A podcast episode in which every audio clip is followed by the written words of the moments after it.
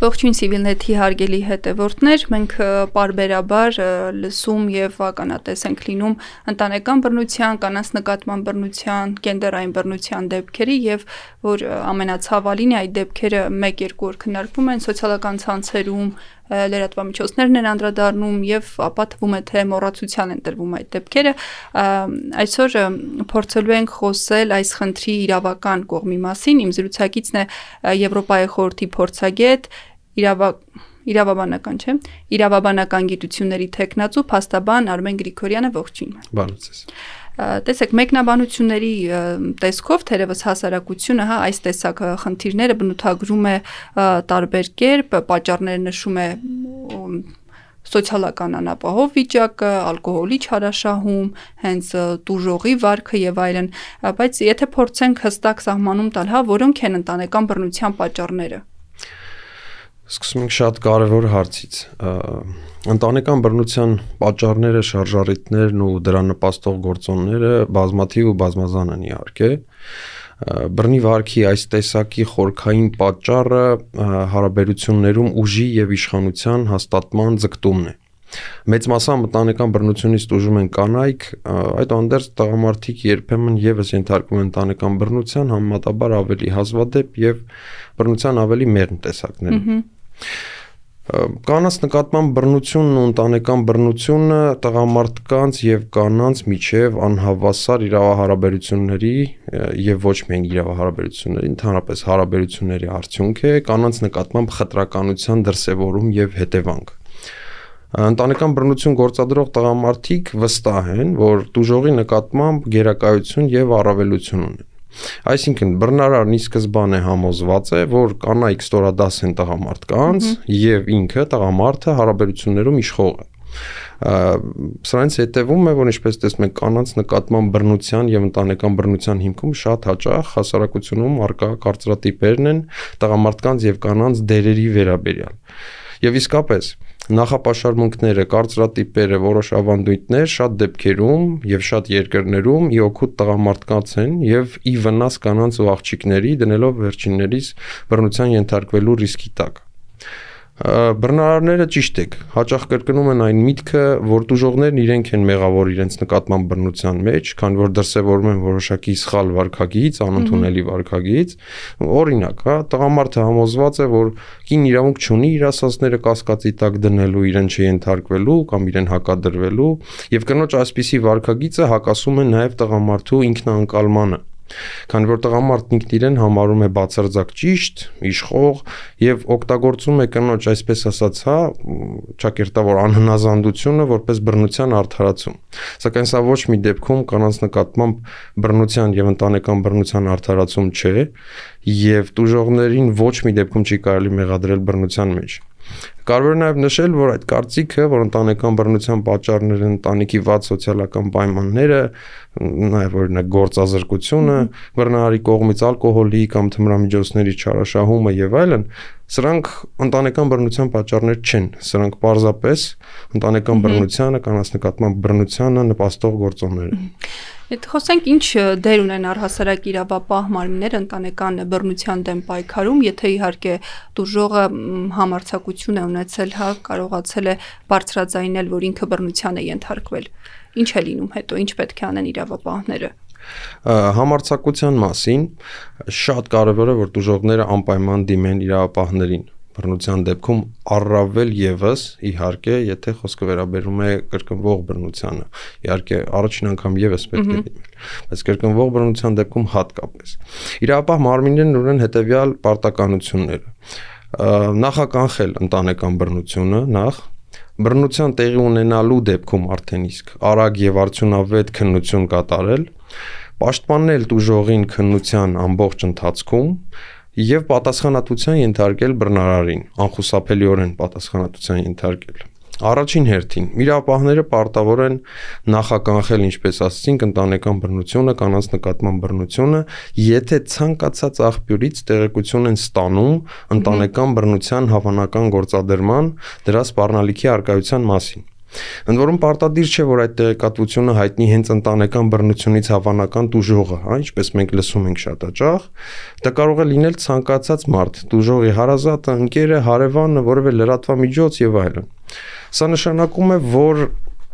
ընտանեկան բռնությունը մասնավոր հարց չէ Այսինքն ընտանեկան բռնությունն ինքնին եւ դրա հետևանքներն այնքան վտանգավոր ու վնասակար են հասարակության պետության համար, որ անկախ այն բանից, թե դուժողը բողոք ունի թե ոչ, բռնարարը պետք է պատժվի պատասխանատվության ենթարկվի։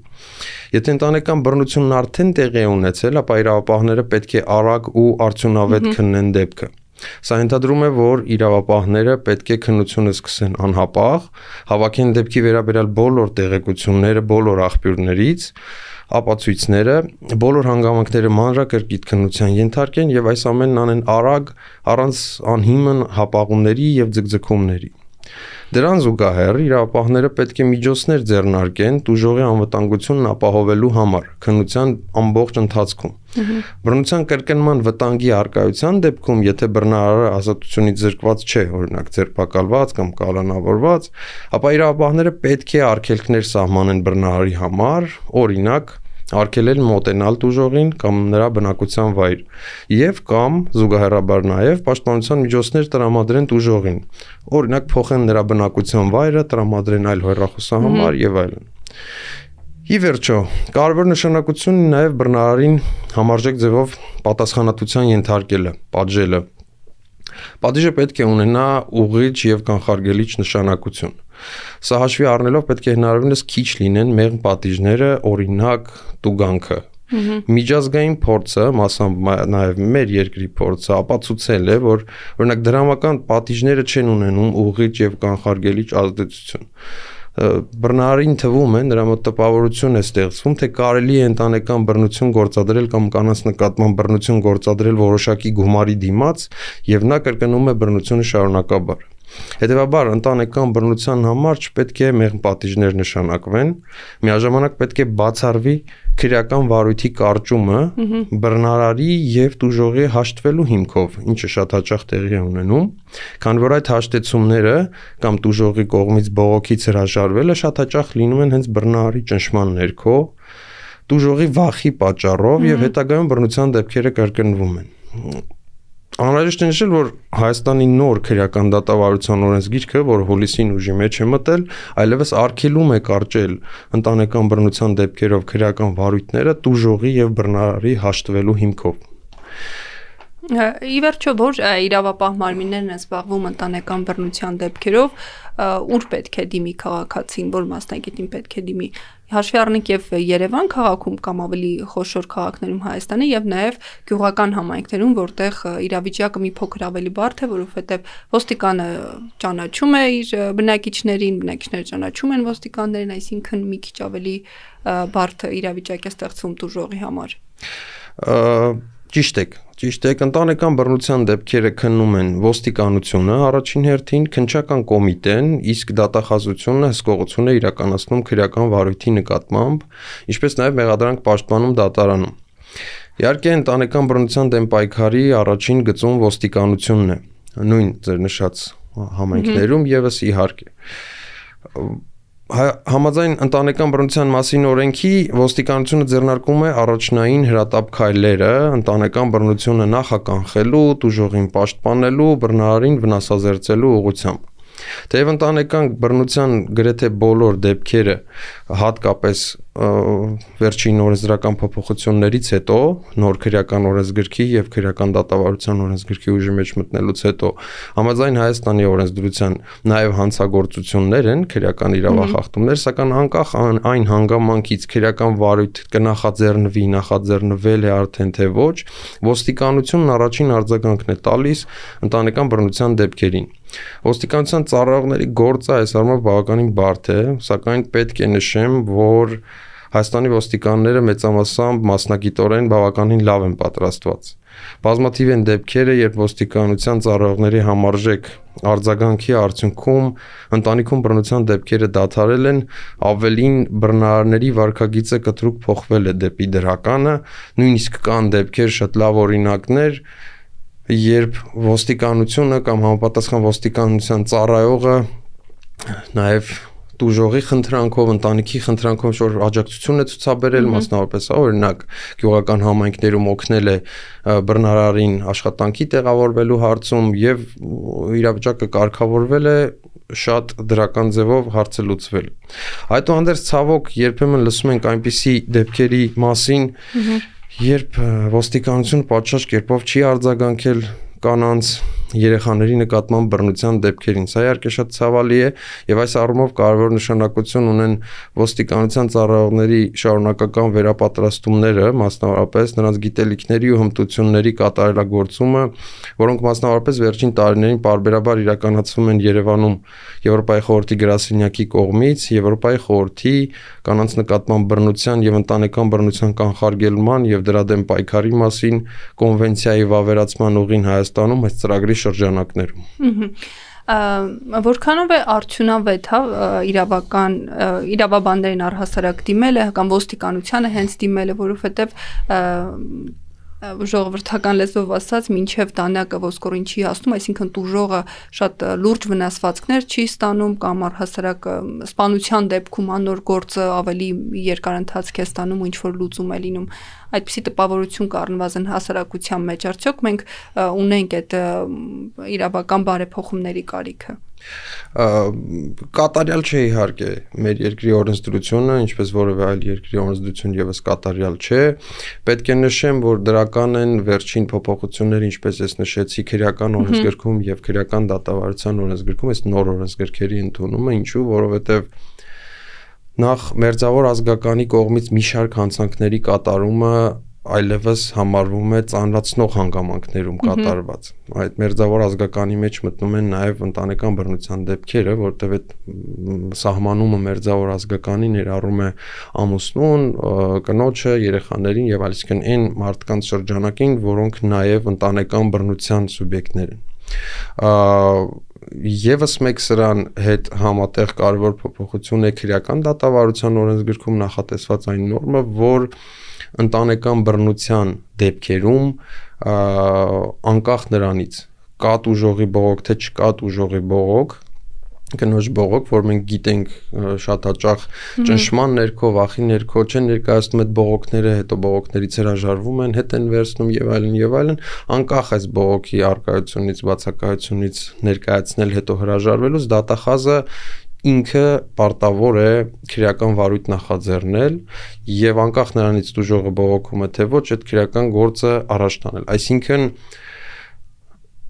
նոր օրենսդրությամբ ընտանեկան բռնության դեպքերը համարվում են արդեն հանրային մեղադրանքի գործեր, ինչը նշանակում է, որ դուժողի կամքից դրանք կախված չեն, թե դուժողն ուզում է, որ դրանք քննվեն, շարունակվեն, թե ոչ։ Դրանք միևնույնն է պետք է քննվեն։ Սա կարևոր շատ նշանակություն ունի, սա նշանակում է, որ օրինակ ժամանակին օրինակի համար, երբ որ կար ծեծ, ծեծի դեպքում, եթե դուժողը հրաժարվում է իր բողոքից, հաշտվում է մեղադրալի հետ, քրական գործը կարճվում էր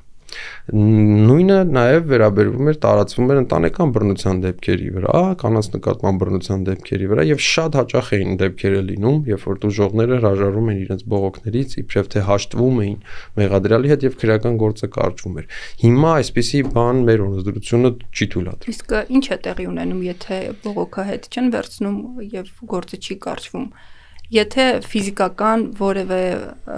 լուրջ վնաս չի գրել զոհոթև, մի քիչ դժվար է հա տարբերել, որն է լուրջ։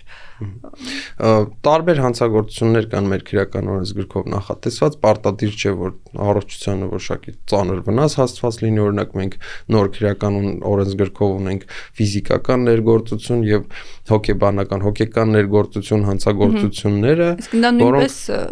իրավաբանները դիտարկում են Իհարկե, իհարկե։ Սրանք հանցագործություններ են, որոնք առավել վտանգավոր են համարվում, եթե կատարվել են օրինակ ամուսնու կողմից կնոջ նկատմամբ։ Սրանք համարվում են ծառացնող հանգամանքներում կատարված։ Ֆիզիկական ներգործությունը օրինակ, անկախ նրանից առողջությանը վնաս պատճառվել է թե չէ, ծեծը, հարվածները, բռնի գործողությունները, թեկոզ օրինակ ենթադրենք, հա, մազերը քաշելը, ինչ որ